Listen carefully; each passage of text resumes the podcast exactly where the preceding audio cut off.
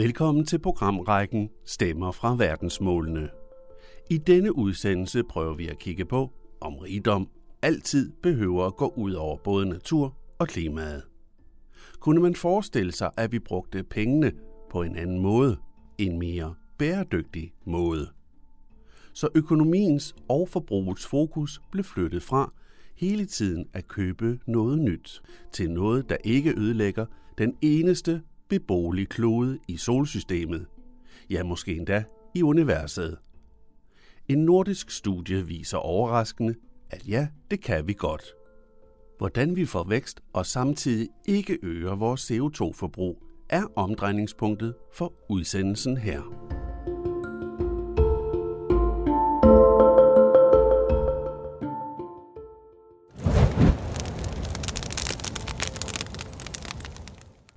Skovene brænder. Isen smelter. Alt imens taler verdens ledere om vækst. Ordet vækst går hele tiden igen i medierne. Der skal vækst til, hører vi. Og det hører vi især fra politikere, økonomer og diverse chefredaktører. Ordet har været nævnt så mange gange, at min trang for at gabe vokser gevaldigt. Så jeg begynder et andet sted – vil du købe sådan en her? Hvis du pludselig kom til penge. For eksempelvis vandt i lotto. Men er det nu en god idé? For var der ikke noget med, at vi har en klimakrise, og at store brændstofslugende biler ikke er den allerbedste idé i den her sammenhæng? Åh oh jo, siger du måske. Nu er det trods alt ikke alle, der vinder i lotto. Det må sige at være rigtigt. Sandsynligheden er så lille i øvrigt, at det svarer ifølge professor Mogens Steffensen til, at du kører 30.000 km i en bil, og på et eller andet tilfældigt tidspunkt kaster en sten ud af vinduet, og så rammer du den eneste spand, der er stillet op på ruten. Så nej, det er ikke Lotto, der skal have skyld i klimakrisen. Men tankeeksperimentet giver et fingerpræg om, hvad problemet med rigdom er. Flere penge giver et større forbrug og ofte på noget, der øger CO2-udslippet. Det gælder både enkeltpersoner og hele lande. I 2019 slog bilsalget i Danmark alle rekorder. Så der var vækst i bilsalget.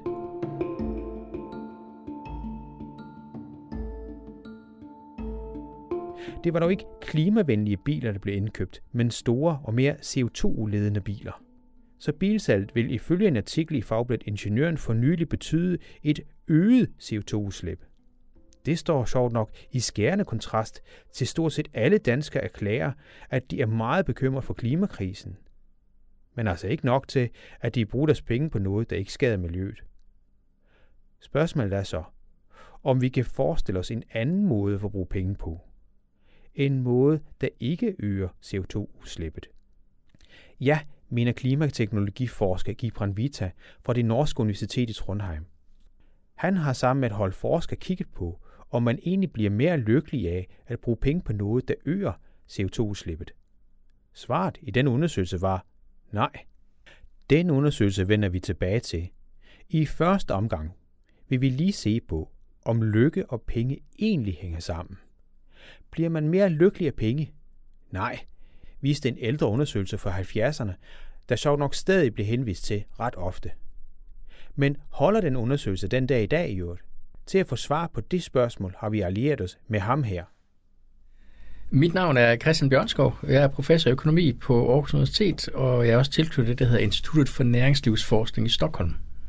Næringslivsforskning vil sige erhvervslivsforskning, for os, der taler svensk. Ja, det, det, det er Nordens øh, ældste tænketank. Øh, den, den er startet i 1939. Økonomi øh, siges jo at være meget baseret på psykologi, faktisk. Er det rigtigt? Altså, ja, på, på sin vis, så, så øh, hvis vi går 100 år tilbage, eller måske 120 år tilbage, så var der ikke noget, der hed økonomi og psykologi og statskundskab. Det var, det var én ting, samfundsvidenskab. Og det er først fra omkring Freud og fremad, at psykologi bliver noget andet, og statskundskab bliver noget andet. Øh, altså i, i 1700-1800-tallet, der var det bare én videnskab. Men der er vel mange psykologiske aspekter, der, der trods alt har indflydelse på økonomi også i dag? Jo, jo, jo. Altså, det, økonomi handler om, hvordan folk agerer med andre mennesker. basalt set. Og selvfølgelig mest i deres økonomiske øh, beslutninger, hvor, hvad for en bil køber vi, og så videre. Men der er rigtig meget psykologi i det. Ja, fordi lidt det, vi skal snakke om her, det er, at der har jo været en påstand om, omkring lykke også. Ja. Øh, og det er noget med, at, kan jeg forstå, at man ikke kan blive mere lykkelig af penge, hvis bare man har nogenlunde, altså hvis man har sikkerhed, altså hvis man ikke bliver slået ihjel på gaden, og hvis man har mad, og, og, og man altså ikke fryser osv., altså, så, så kan man sådan set ikke blive mere lykkelig, selvom man vinder i lotto. Er det rigtigt? Nej, det er det ikke. Øhm, det, der har altid været sådan en, en, en holdning til, at penge ikke burde gøre folk lykkeligere. Øh, og en gang først i 70'erne var der en amerikansk forsker, som var en af de aller, aller første, der kiggede på de her, de her lykke- og tilfredshedsundersøgelser, som også fandt, at at det, det gjorde de nok ikke. Øh, han hed Richard Easterlin, og efter hans arbejde der i 1973, der har man kaldt det Easterlin-paradoxet, at hvis et land bliver rigere, så bliver befolkningen ikke lykkeligere. Men de sidste cirka 10-12 år, der har ny forskning, der har meget mere information, faktisk skudt den idé ned. Der er ikke noget paradoks. Du siger meget mere information. Altså, hvad har man gjort anderledes? Hvad er det, man, man sådan rent altså, systematisk kigger anderledes en, på? En af de ting, som, som Iselin gjorde, det var, at han samlede de her undersøgelser, man havde i USA øh, og også i Japan på det tidspunkt. Um, og der er fyr, der Justin Wolfers, der for ja, 13-14 år siden fandt ud af, at det Iselin havde sammenlignet, det var ikke helt de samme spørgsmål. Altså over tid havde, var man kommet til at ændre på den måde, man spurgte på, og de kategorier, folk kunne svare i. Og hvis man tager hensyn til det, så, så kan man faktisk se, at lykken steg, når folk bliver rigere. Øhm, men det kan man først gøre, når man har nok anden information til at kunne sammenligne. Altså hvis man for eksempel, som, som i øh, Europa, øh, har en række lande, hvor det samme spørgsmål blev stillet år efter år siden 1975, så, så kan man begynde virkelig at sammenligne, fordi det, det er præcis samme spørgsmål. Nu de her ting med, med, med, med lykke er jo sådan lidt specielt. Altså jeg tænker, at der også der har nogle indflydelse på, hvad land det er. Men, men det du taler om, det er, er det som enkeltperson, eller er det som land? Det, det er begge dele. Altså vi, vi, vi ved, at der er rigtig mange ting, som påvirker folk som enkeltpersoner. Vi ved faktisk også, at folk er forbløffende ens alle mulige steder i verden. Øh, så bare for at tage et eksempel. Øh, det er midt sidst i 40'erne, folk er mindst lykkelige generelt. Det gælder for Danmark, det gælder for Rusland, det gælder for USA, det gælder for Ghana og Sydafrika også. Folk er enormt ens i det basale, der, der, der gør dem mere eller mindre lykkelige. Øh, og meget af det er selvfølgelig også deres, deres omstændigheder, deres miljø, og det er forskelligt fra land til land. Altså, jeg bliver nødt til at spørge dig, jeg selv er i midt 40'erne, hvad er det, der gør os så på det tidspunkt? Har man nogen idé om det? Man har det, de her idéer om, at, at det er, at, at, at problemer og så videre bliver større og større, og selvfølgelig midt før, at mange har, har, har børn, der opfører sig frygteligt, og gæld i hus og så videre. Men det er også det, at når man kommer dertil, så er det blevet klart, at ens krop ikke længere kan det samme. Det er blevet klart, at der er nogle af de, de planer, man lærer, de forhåbninger, man havde, da man var 22, de ikke er blevet til noget. Øh, så nogle gange kalder man det så lidt populært skuffelsens årti. Altså der, hvor skuffelserne bliver så, så tydelige, at man ikke længere kan ignorere dem. Øhm, og når man først har opdaget det, så kan man begynde at lave ting om. Og det, det gør folk typisk fra 40'erne ind i 50'erne. Altså, de, de laver ting om i deres eget liv. De finder på andre måder at gøre ting på, og andre ting at gøre. Men altså, de her ting, som åbenbart gør dem ulykkelige, de, de, de vil jo ikke kunne dæmmes op for, hvis man har flere penge. Altså, man vil jo ikke få en bedre krop øh, til at fungere. Nu nævnte du selvfølgelig gæld også som en del af det. Ja. det. Det kan selvfølgelig godt hjælpe med det, vil jeg tro. Eller hvad? Jamen, no, nogle af tingene kan afhjælpes af penge, nogle af, af tingene kan ikke. Altså, det, de, pengene gør ikke uh, ens øh, teenager mere eller mindre rimelige. Uh, pengene påvirker deres hormoner jo. Nej. Um, men der er andre ting i ens liv, som, som pengene kan hjælpe på. Uh, det er for eksempel meget, meget nemmere, hvis man har enten en højere indkomst, eller bare et sådan højere fribeløb. At man lige tager en tur til Hamburg en weekend – øh, og er lidt væk fra hverdagen. Det, det er faktisk ret vigtigt, kan vi se, at folk gør det. Altså få lidt deres eget liv tilbage, kan man sige. Ja, altså hvis man er par, par så få, få livet som par tilbage, at man ikke bare er forældre, men også selvom man ikke er forældre, at man har øh, noget respekt fra hverdagen, altså alt ikke bare bliver hverdag. At man får nogle oplevelser og noget, som, som er anderledes. Altså komme ud af hamsterhjul, tror jeg, nogen kalder det, ikke? Jo, lige præcis. Ikke? Så kan man godt sige det. Det, svære er selvfølgelig, at, at vi ved ikke, præcist, hvad det er for nogle oplevelser, fordi folk er så enormt forskellige i deres smag. at det kan være enormt forskellige oplevelser. Men det der med at komme ud af hverdagen, ud af hamsøl, som du siger, og få nogle oplevelser af en eller anden slags, er rigtig, rigtig vigtigt. Og, og der er, er pengene vigtige. Det, det er en af de ting, vi kan se pengene gøre. Men netop den her med, øh, med, med, med, med penge, altså penge giver jo også en sikkerhed. Altså nogle af de ting, som der bliver snakket om, at der giver basal behov, er jo også sikkerhed. Sikkerheden ja. for at kunne sidde i huset osv. Kunne man vel ikke sige, at det, det stadigvæk holder den her teori om, at man skal have sikkerhed, men man har bare behov altså på forskellige niveauer? Jo, jo. Altså det, det, det første pengene gør, det er at købe sikkerhed for, at man har tag over hovedet og mad på bordet. Og det næste gør, det er at, det, at sikkerhed for, at det har vi også næste uge. Øhm, og så kan man sige, at på et eller andet tidspunkt, så er det så sikkert, at så burde, burde pengene ikke gøre mere. Men så køber pengene noget andet. Så køber pengene nogle gange lidt luksus i hverdagen, og bagefter det, så køber de pengene nogle oplevelser. Øhm, og det de gør også det, at, at vi ved for eksempel, at folk, der har større opsparing, er, generelt er lykkeligere. Fordi de der ting, der kan ske med, at bilen går i stykker, eller vaskemaskinen ikke længere fungerer osv., øh, de, de vælter ikke ens hverdag, hvis man har nok opsparing. Øh, så på den måde så er tryghed også noget, som, som kan købes, selvom man faktisk er relativt velstående.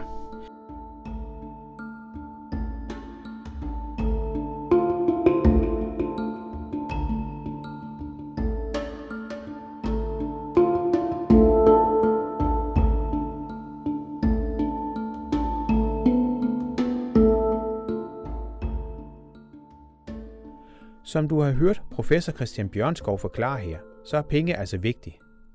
Vi synes måske rent moralsk, at penge ikke burde betyde noget, men det gør det. Selv en meget høj indtægt er dog, lidt populært sagt, ikke nok, hvis der ikke er plus på kontoen i slutningen af måneden. Undersøgelsen, der viste, at penge ikke gjorde en mere lykkelig, når man har opnået et bestemt niveau af velstand, er for længst skudt ned. Flere penge gør en mere lykkelig. I 2019 blev et nyt forskningsstudie offentliggjort. Norsk-meksikanske Gibran Vita og hans hold havde kigget på tingene på en lidt ny måde. I stedet for penge, så så de på sammenhæng mellem CO2-udslip og lykke. Sagt på en anden måde. Bliver man mere lykkelig af at forbruge sine penge på noget, der øger CO2-udslippet, som f.eks. en ny og større bil? Hvad hvis man i stedet brugte sine penge på noget, der ikke umiddelbart har den store indvirkning på klimaet? For eksempel brugte penge på et foredrag, en teaterbillet, bøger eller koncert. Her fandt det norske hold frem til, at mere udslip ikke betyder mere lykke. Professor i økonomisk teori John Tøresen kaldte i weekendavisen studiet for meget spændende – især fordi studiet var baseret på stort talmateriale. Man forklarer også, at han endnu ikke har set på metoderne bag undersøgelserne. Men det har professor Christian Bjørnskov, og han har fundet et par ret alvorlige metodiske problemer.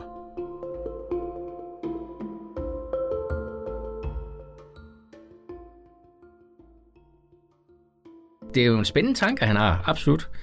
Øhm, hans studie er bare øh, metodisk ret svagt. Han, han, han er miljøforsker, så han, man kan godt undskylde ham, fordi han har ikke erfaring med de problemer, som vi har som samfundsforskere. Øh, og det han gør, det er, at han blandt andet sammenligner folk, der er medlemmer af, af, af NGO'er eller miljøorganisationer med folk, der ikke er. Og sammenligner deres forbrug osv.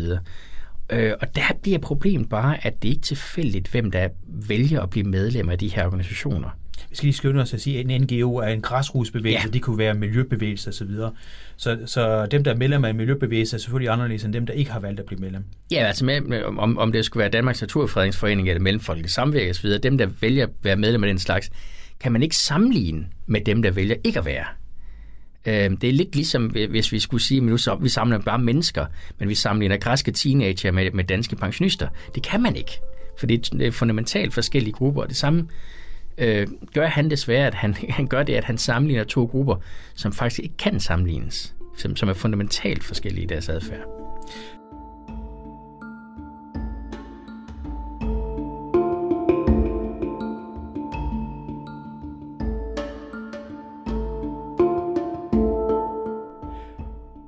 Så selvom det her måske lyder lidt langhårdt, så er der altså problemer med selve håndværket bag nordmændenes forskning. Kan man så helt afvise, at mere CO2-udslip ikke giver en mere lykke? Og hvad hvis vi kigger på vejhæne lykke til det, vi køber os til, ved f.eks. at købe den nye sportsbil? Så vi spørger professor Christian Bjørnskov det her. Men har han ret i nogle tanker om, at man ikke partout behøver at udlede mere CO2, fordi man får flere penge? Det, er, det er helt overordnet. Det, det har han ret i, at man måske kunne overveje at sige, skal, skal vi øh, lad være med at købe en meget stor bil, men bruge pengene på et eller andet andet. Øh, og det, det er sådan under overvejelse, som de nye psykologiske og økonomiske studier også peger på, at må, måske så gør den store bil ikke ret meget for lykken. Øh, man kan slippe afsted med at købe en, en noget mindre bil og bruge de ekstra penge på et eller andet andet. Og spørgsmålet bliver så, om det der et eller andet andet, man, man bruger pengene på, er mere eller mindre CO2-venligt. Jamen, øh, professor Christian øh, Bjørnskov, altså når jeg sådan ser på det, så køber vi jo en masse dingenoter hele tiden, som ja. vi har en fornemmelse af, at vi bliver mere lykkelige af. Altså jeg tror, at uh, sådan nogle portaler som Wish, som folk ordentligt køber brænder sig på, altså de mister både penge og, og alt muligt på det. Alligevel så køber de jo, jeg ved ikke, mange dingenoter hjem. Uh, jeg vil jo våge den påstand, at jeg ikke kan se nogen lykkefølelse uoverlig lige det øjeblik, hvor det kommer ind ad døren? Altså, den var ikke altid ret lang tid. Så vi, vi plejer sådan lidt populært at sige, at lykken ved en ny bil var ligesom, lige så lang tid som lugten af en ny bil. Øhm, rigtig mange, mange ting venter vi os til. Øh, vi bliver også lykkelige af at få en, en ny, større lejlighed, eller flytte i hus, eller så videre. Men der går også måske bare et år, og så, så er vores normal opfattelse ændret.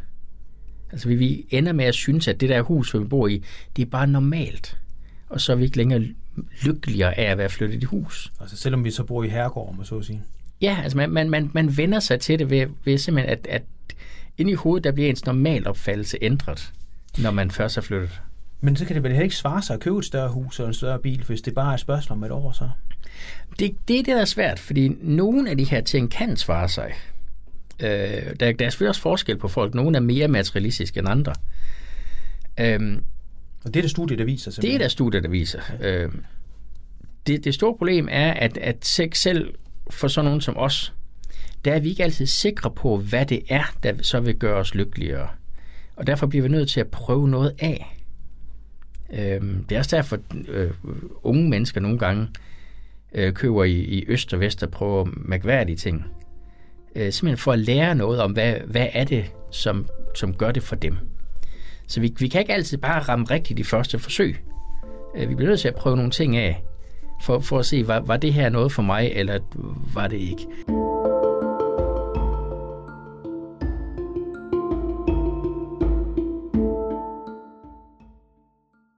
hvis nu en ny bil ikke varer længere end duften af en ny bil, nu kan jeg så sige, der findes ja. spray for den slags, men, men øh, det vil vi så lige lægge.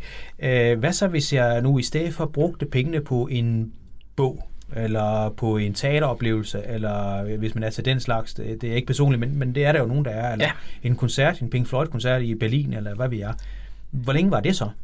Jamen det, det, det var meget, meget længere, fordi for det første, så, så ved vi, at, at de her minder om, hvad det var, var længere. Øh, og for det andet, så får man også nogle gange øh, nogle anderledes input, øh, som, som var ved af de her oplevelser, om det så er en Pink Floyd i, i, i Berlin, eller lad os håbe på det for mit vedkommende, Iron Maiden i Warszawa. altså.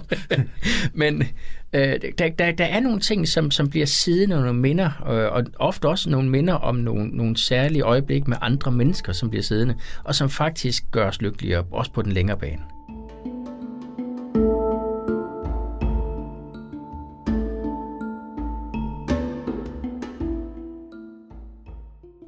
Så hvis vores penge blev brugt på at købe fælles oplevelser, så vil vi altså ifølge forskning blive mere lykkelige, end hvis vi køber os til en ny og stor bil. Det var jo egentlig også det, det norske studie antydede. Men hvorfor er det så, at langt de fleste hellere vil købe en stor bil, end få en stor oplevelse og samtidig spare klimaet for tonsvis af CO2? Til det svarer Christian Bjørnskov. Jeg tror, noget af det, det er, at, at øh, øh, oplevelser er mere bøvlede. Og nogle gange, så, så har folk det der med, at de, de, de, de, de er tilfredse nok med, med deres hverdag. De vil, oh, det bliver bøvlet at komme til Warszawa, eller det bliver bøvlet at tage ned i, i Aarhus Teater, eller hvad det er. Øh, og når de så gør det, så er de alligevel rigtig glade for det. Men der er lige en, ofte en, en lille hurdle, folk skal over, helt særligt folk med børn fordi der, der er lige noget ekstra bøvl med, at de måske skal passes, eller, eller der skal laves nogle aftaler med, hvad, hvad må de, hvad må de ikke. Og, øhm, der, der, der er en hurdle for at komme ud over og, og lave den slags ting, i stedet for at man lige smutter ned og køber den nye bil, når man skal have en ny bil. Det, det er meget nemmere at købe bil. Man kunne jo også sige, at man faktisk, hvis nu gerne man vil CO2 til livet, fordi ja. vi taler jo om, at, øh, at væksten er nødvendig i forhold til arbejdsløshed, og det bliver nævnt ofte, for at et land skal simpelthen vækste. Jeg har da hørt det ord, der vækste. Jeg har ikke helt uh, kunne slå det op nogen ordbøger, men, men det hører man med jævne mellemrum. Ja. Øhm, så vækst er åbenbart vigtigt. Øh, det er i hvert fald sådan jævnt accepteret. Men jeg tænker, behøver det være vækst, som absolut koster på CO2-budgettet? Øh, Nej, det, altså det, det sjove er, at, at vi som, som, som økonomer øh, kan være noget frustreret over debatten. Øh, både i den politiske debat og også blandt, blandt nogle miljøforskere, der, der tager man for givet, at hvis vi har vækst, så vi bliver rigere, så udleder vi mere. Øh, så man, man regner simpelthen med, at vækst det er noget, hvor vi forbruger flere ressourcer. Og det vi har erfaring fra, fra, altså fra 60 års forskning i, øh, i økonomi, det er, at rigtig meget vækst er faktisk det modsatte. Noget vækst kommer fra, at vi bruger flere ressourcer osv. Det er sådan, det er sådan Kina for eksempel vokser. De, ja, det, de, det er voldsomt store udledning, de vi snakker om, når det, det er Kina. Det er voldsomt store udledninger. De, de bruger rigtig meget energi, de bruger rigtig mange ressourcer. Men for, for rigtig mange andre lande, og specielt lande, der er i en eller anden forstand blevet rige nok, øh, der kommer rigtig meget vækst, og langt det meste af væksten faktisk fra, fra øget produktivitet. Det vil sige, at man finder ud af at, at lave de samme ting, eller måske lave flere ting, med færre ressourcer.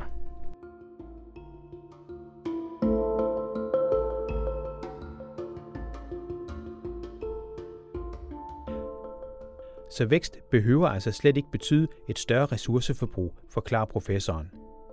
Det er en meget udbredt misforståelse. Jo jo, det lyder meget godt. Men findes der nogle eksempler på det? Til det svarer Christian Bjørnskov fra Aarhus Universitet. Så øhm, et af mine yndlingseksempler, det, det er almindeligt køleskab. Øhm, et almindeligt køleskab i dag øh, bruger mindre end en tredjedel af den strøm, som et køleskab gjorde for 40 år siden. Og det koster noget retning af kun 25 procent, fordi man bruger mange, mange færre ressourcer på at lave køleskab, end man gjorde i 70'erne. Og det er jo en vækst. Det er også vækst, fordi det, det, det frigør ressourcer og penge til nogle andre ting, som vi så bruger på, på nogle gange en større bil, nogle gange øh, bedre offentlig service, nogle gange bedre privat service, nogle gange flere rejser eller en tur i teateret. Ja, nu nævner du rejser, fordi øh, det er jo også noget af det, man siger, at mange danskere bruger deres, øh, deres øh, surt opsparede feriepenge på, ja. vil jeg sige. Det er jo noget, der, der om noget af CO2-forureningen sidste. Men det er vel egentlig ikke så meget procentvis, vel? Procentvis, der, der, er, det, der er det ikke frygtelig meget. Altså, der, jeg ved, der er blevet regnet på, at man har brugt FN's klimamodel og regnet på, hvad, hvad vil der ske, hvis øh, hele Vesten holdt op med at flyve nu her. Øh, og i, jeg tror det er 2080, der, der vil det betyde, at øh, temperaturen globalt er noget af retning af 0,05 grader lavere.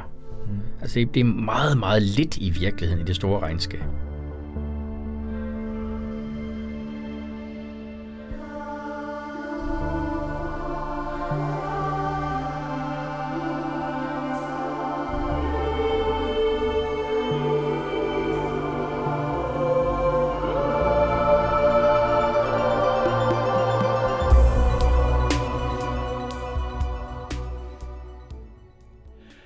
Sådan siger altså Christian Bjørnskov, som samtidig advarer imod lovbestemte reguleringer. Det er altså en dårlig idé at forbyde røde bøffer, flyrejser, der fx ikke er strengt nødvendige. Så bliver folk først rigtig ulykkelige, forklarer han. Det vil ellers være en let måde. Så derfor bliver jeg nødt til at spørge det her. Hvad er løsningen så, hvis, hvis vi både skal have vækst, hvis der findes en løsning, hvis vi ja. både skal have vækst og så samtidig have lykke øh, med. Hvordan skal det så se ud? Altså, jeg, jeg tror, vi, det, det bedste, vi kan gøre, det er øh, at, at, at være omhyggelig med problemet. Men, men sørge for, at, at der ikke er én løsning. Altså, det, det absolut værste, man kan gøre, det er at definere øh, reguleringer eller andre politiske tilsag, der har defineret én løsning. det, det, det er der selvfølgelig altid særinteresser, der er enormt interesseret i. Så vindmølleindustrien er enormt interesseret i, at vi producerer vedvarende energi med vindmøller, og ikke på andre måder. Øhm, og det, den slags særinteresser ser gode ud for mange danskere, for de er jo grønne. Men de opfører sig præcis ligesom alle andre særinteresser. Og det, det tror jeg, det bliver vi nødt til, når, når vi tænker på det her, lige sørge sørg for at tænke på, at alle særinteresser opfører sig ens. De gavner altså, sig selv. Bil, altså hvis vi siger elbiler og... Et elbiler, der, der er også hele diskussionen om, hvor man snakker om, at vi vil meget gerne have flere elbiler. Øh, og elbiler, øh, når de først kører, øh, udleder mindre CO2. Men produktionen af batterierne til elbilerne er voldsomt miljøskadelig. Og den slags skal, altså det er mindre synligt, men det skal vi også tænke over, når, når vi tænker over løsningerne. Altså vi skal have øh, vi skal have hele miljøaftrykket med af det, vi gør, og ikke bare det, som vi lige kan se i hverdagen. Og, og det er der de politiske problemer, det er, at det faktisk nogle gange er ret, ret usynligt, hvor skadevirkningen er, og nogle gange usynligt, hvor, hvor mulighederne er.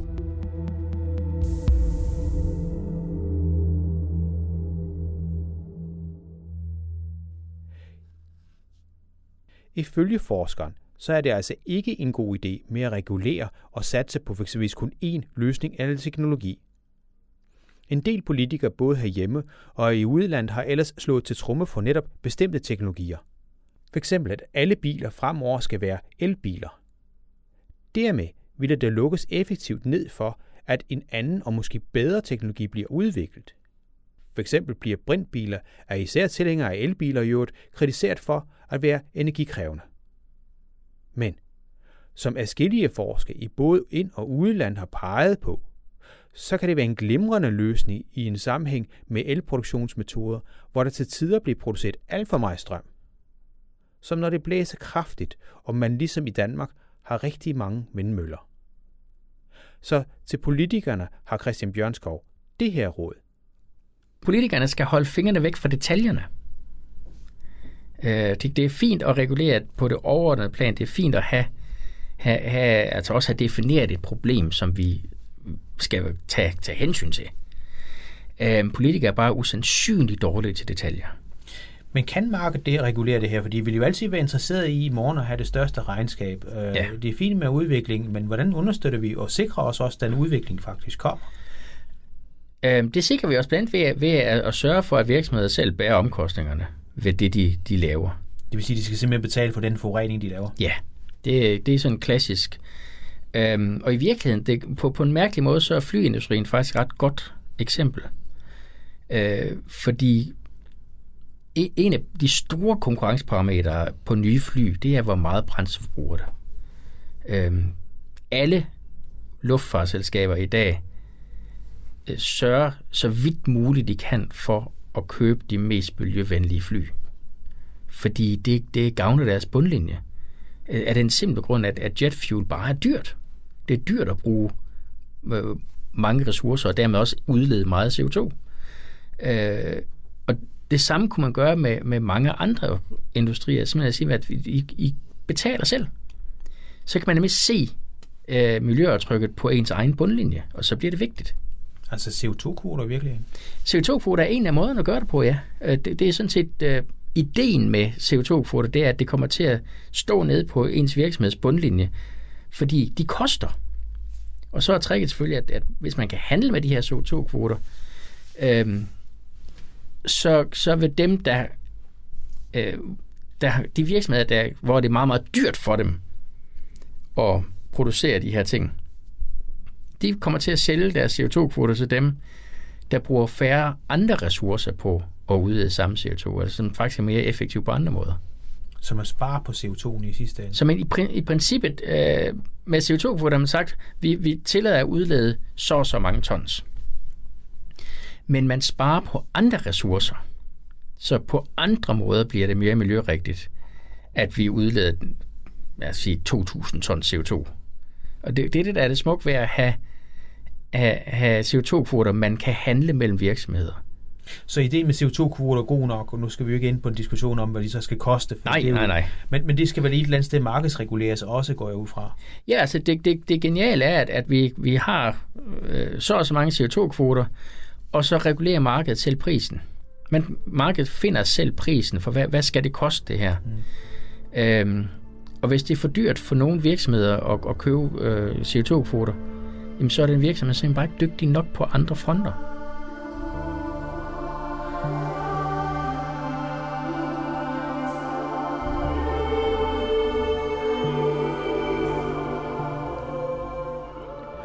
Professor Christian Bjørnskov mener altså, at en del af løsningen er, at virksomhederne selv skal bære omkostningerne. CO2-kvoter kan man sagtens diskutere, men princippet i dem, nemlig at det skal koste at forurene, er han tilhænger af. Hvis forurening koster produktionen af en vare, så vil det naturligvis smitte af på priserne. I Norge har flere politikere fra især de grønne partier foreslået, at hvis selve produktet, en virksomhed producerer, er med til at forurene, så skal der betales klimakompensation. For eksempelvis skal en olievirksomhed, som Norge har ret mange af, betale en afgift for den klimapåvirkning, olien medfører. Oversat for politikere norsk, så skal producenter af de biler, der netop nu bliver solgt så mange af i Danmark, altså betale en afgift. Det vil så måske igen betyde, at vi begynder at se os om efter andre ting at forbruge, eller biler, der ikke forurener. Bilfirmaerne vil så, på deres side, begynde at udvikle mindre forurenende biler, både i drift og selve produktionen. Men om det så kan få vores fokus på væksten til at ændre sig i en mere bæredygtig retning? Ja, i hvert fald kan vi da fortælle, at Bhutan er et fattigt land, men alligevel har et af verdens lykkeligste folk. I Ecuador og Bolivia har regeringerne sat deres målsigte efter det, vi kan oversætte til det gode liv. Altså noget med familie, fritid og sundhed. Er det realistisk, at vi også i Danmark begynder at jage vækstrater i form af det gode liv? Kunne vi forestille os, at vi ikke forbruger goder, der er forbundet med øget CO2-udslip? Måske endda ikke jagter en højere løn? Professor Inge Røbke forklarer over for os, at teoretisk set er alt muligt, men det er næppe realistisk. Prøv at spørge dig selv, hvad du vil gøre med pengene, hvis du vandt i lotto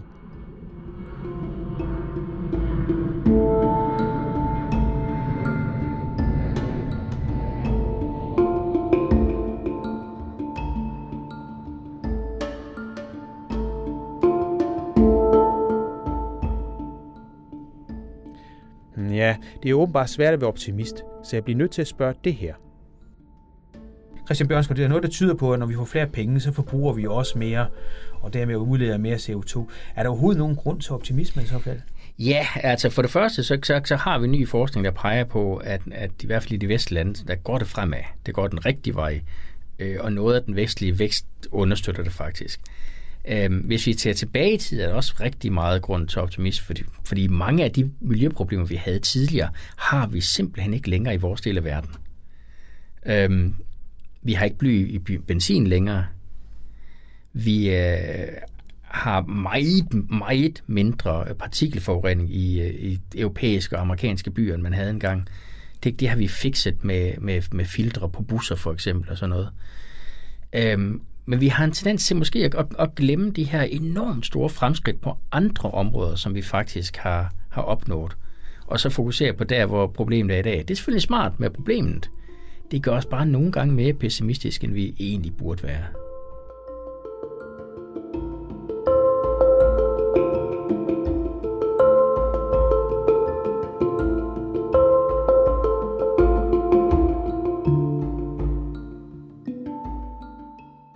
Sådan siger altså Christian Bjørnskov, og måske har han ret, for på vej hjem kører jeg forbi to rensningsanlæg.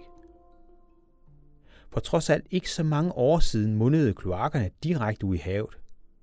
Den skov, jeg bor tæt ved, var fyldt op med skrald. Nu får vi hentet skralden hver anden uge. Selvom det stadigvæk findes miljøsvin, så er det dog intet i forhold til de gode gamle dage. I 1980'erne og 90'erne var vi alle bange for de her huller i ozonlaget. Mange forudsagde, at vi på nuværende tidspunkt slet ikke ville kunne gå uden for en dør uden tyk solbeskyttelse for at undgå hudkræft. I 1987 blev freon internationalt forbudt, og hullerne i ozonlaget er nu begyndt at lukke sig igen. Det lykkedes altså. Så måske er den helt store gevinst i livet ikke en heldig lottosal, men menneskets fælles evne til at løse problemer. At vi vokser med opgaven. Ja, det var der en vækst, der er positiv for alle parter.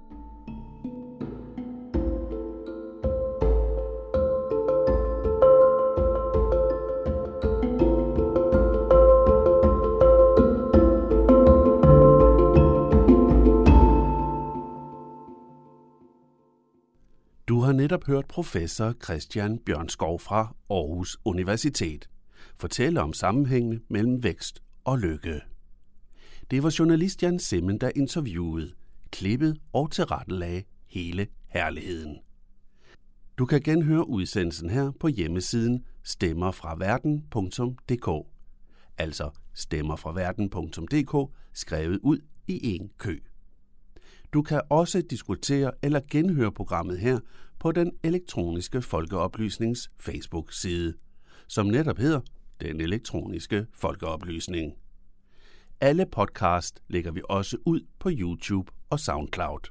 Så der findes mange måder at få tag i vores udsendelse og podcast på.